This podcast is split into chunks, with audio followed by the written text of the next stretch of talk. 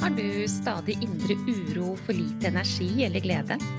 Ønsker du kartet for endring i dette? Hver episode er dedikert til å gi deg gullnøkler for livsglede og ro. Du får strategier og innspill som hjelper deg fra nedstemt til oppstemt og fra uro til ro. Vil du ha en gratis oppskrift for å lage deg gode dager? Gå til www.gayabalanse.no for din herlige morgenrutine.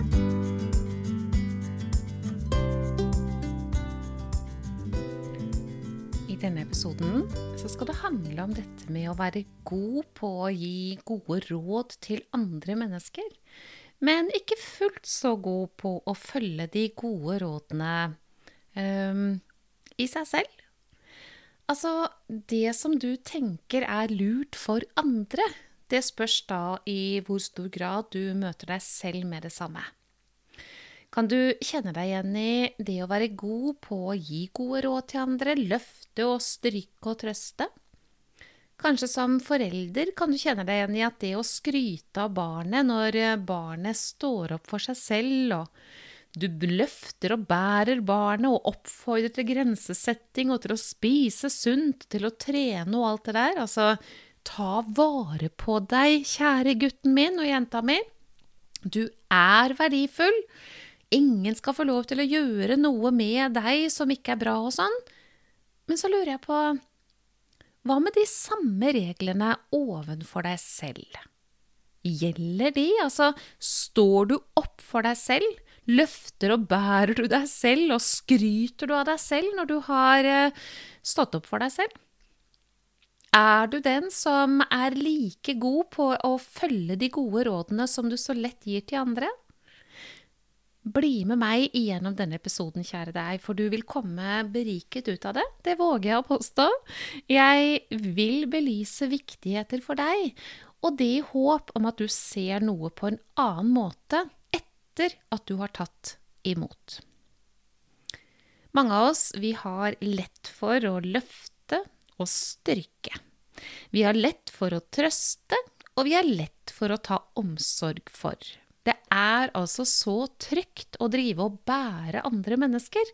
Selv de menneskene som i absolutt uh, fullt og helt uh, burde båret seg selv, ja, de degger vi for og dekker og til, legger til rette og holder det gående.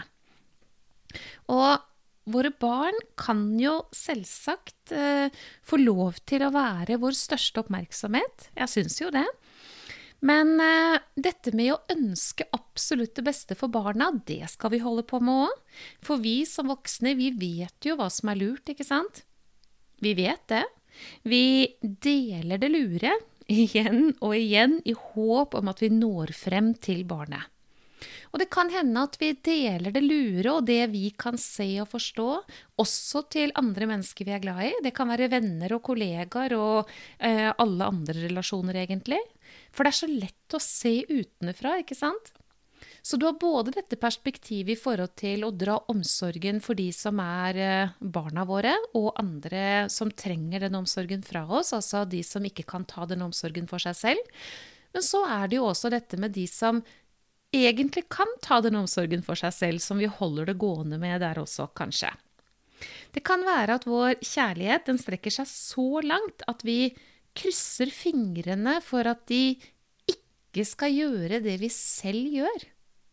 For hvis alle de du gir gode råd til, hadde gjort som deg, så hadde jo ikke de fulgt dine råd, eller? Jeg er ganske sikker på at de fleste som får med seg denne episoden, vil kjenne seg igjen i at de reglene som du så veldig gjerne ønsker for andre, de følger du ikke like gjerne selv. Kan du kjenne deg igjen i det? Det er veldig lett å være den som gir gode råd og drar omsorg for, men det er jo ikke sikkert at du følger det selv.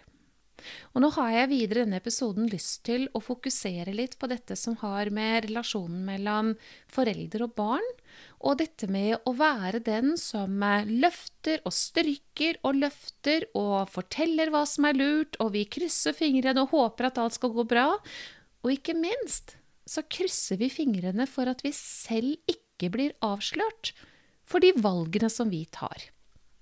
Eh, de mest uskyldige valgene kan være at man drikker brus av en kaffekopp, ikke sant? så ingen ser at det er det man drikker.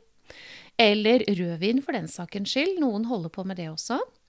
Det kan være at vi går hele dagen og lengter etter at klokka skal bli så mye at barna er utenfor synsvidde, så vi kan spise den sjokoladen som vi har gjemt lengst inn i skapet. Du har jo ikke anbefalt å spise barnet ditt Altså spise barnet. Du har jo ikke anbefalt at barnet skal spise den sjokoladen, har du vel? Men det kan jo være at du tar den når klokken er 20.04. Når barnet har gått og lagt seg når klokken er 20.00. Du, det er viktig å se på hva er det vi selv gjør, egentlig? For eh, hva er det barnet egentlig får med seg? Altså, Barnet får ikke med seg at du spiser den sjokoladen 2004, men det er nok eh, noe annet du holder på med, som du kan være sikker på at barnet får med seg, uten at du ønsker at det skal gjelde også for ditt barn. Det er noe som har sagt eh, for lenge siden, og det er blitt gjentatt mange ganger, at når det gjelder dette med oppdragelse, så er det ikke det vi sier, men det vi gjør, som har størst betydning. Og dette er superviktig, altså virkelig viktig. Det skal visstnok være sånn at dette kommer soleklart frem. At det vi ikke ønsker, når jeg nå holder meg fast og helt en liten stund til dette med barna våre, når vi ikke ønsker at barna våre skal ta de samme valg som vi selv har gjort eller gjør, så vil de kanskje allikevel ende opp med å gjøre det. Fordi de har avslørt deg, og det nytter ikke å snakke. Det som nytter, det er å gå foran med et godt eksempel. Det er det som setter sine spor i forhold til barna våre. Det er ikke det vi sier, for de ser hva det er vi gjør. Til tross for at du kanskje ikke tror det, eller i hvert fall håper at de ikke skal gjøre det. Vi kan rett og slett bare spare oss alle disse ordene, og så kan vi gå oss selv etter i sømmene. Og kanskje vi kan bruke akkurat denne sannheten som en kilde til at vi skaper endringer i eget liv. Det vi vet vi holder på med, som ikke er det vi ville anbefalt våre barn, kan vi jo bruke ø, denne motivasjonen til. Altså, vi må begynne å gjøre ting på en annen måte. Rett og slett fordi at det vil være slagkraften i forhold til hva barnet får med seg, og mest sannsynlig tar med seg videre i sine mønstre. Det var en gang en oppofrende mor som sa følgende til meg. Min datter løfter jeg hele tiden. Jeg skryter av henne når hun står opp for seg selv.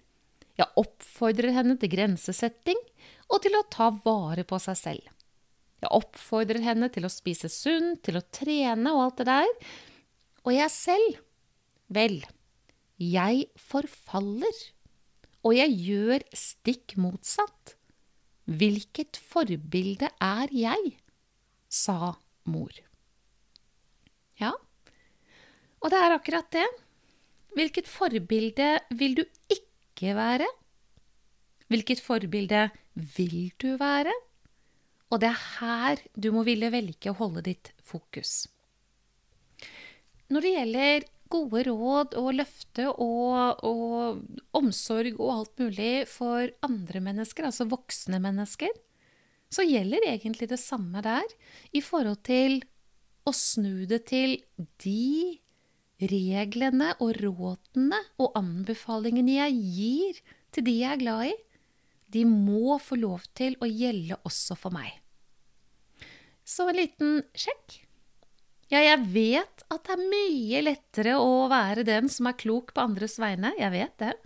Men eh, det går fint an å øke oppmerksomheten på dette, og begynne å ta noen sånne stikkprøver for seg selv. Er dette her hva jeg ville anbefalt en jeg er glad i? Er dette her det jeg ville anbefalt min datter eller min sønn?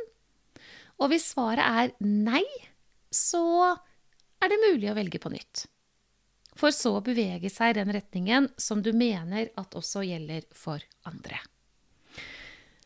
Jeg mener at dette er kjempeviktig. Eh, du har et hovedansvar i forhold til å ta vare på deg selv. Og det er også sånn at hvis du skal komme frem med ditt viktige budskap i forhold til dine barn eller barna, så må du gå foran som et godt eksempel. Du må rett og slett slutte med selvsabotasjen og ta grep om eget liv. Det er hva du gjør, og ikke hva du sier. Det er hvordan du håndterer, som vil ha en betydning. For det er det barna får med seg. Og når du tar valg som bekrefter at du har 100% verdi, så har du gitt det absolutt beste til det barnet som du ellers ville ha gitt de gode råd til. Som ikke kommer til å få noen betydning i nevneverdig grad i det hele tatt. Så to gode gullnøkler fikk du av meg i denne episoden. Det ene er i forhold til barn, og det andre er i forhold til andre mennesker som du så lett kan gi råd til. Og den dagen du lar de rådene få lov til å gjelde deg, ja, da er du på et helt annet sted. Et godt sted å starte, det er å lage den beste starten på hver eneste dag. Og derfor har jeg laget en gave til deg, din herlige morgenrutine, som du kan gjøre bruk av hver eneste dag som start på dine dager. Det vil være lurt. For det vil også gjøre at dette arbeidet som jeg snakket om i denne episoden, vil gå enklere for deg. Og den gaven den får du på nettsiden på www.gayabalanse.no. Din herlige morgenrutine. Ja, du har 100% verdi, og det er ditt ansvar å ta valg i livet som bekrefter det.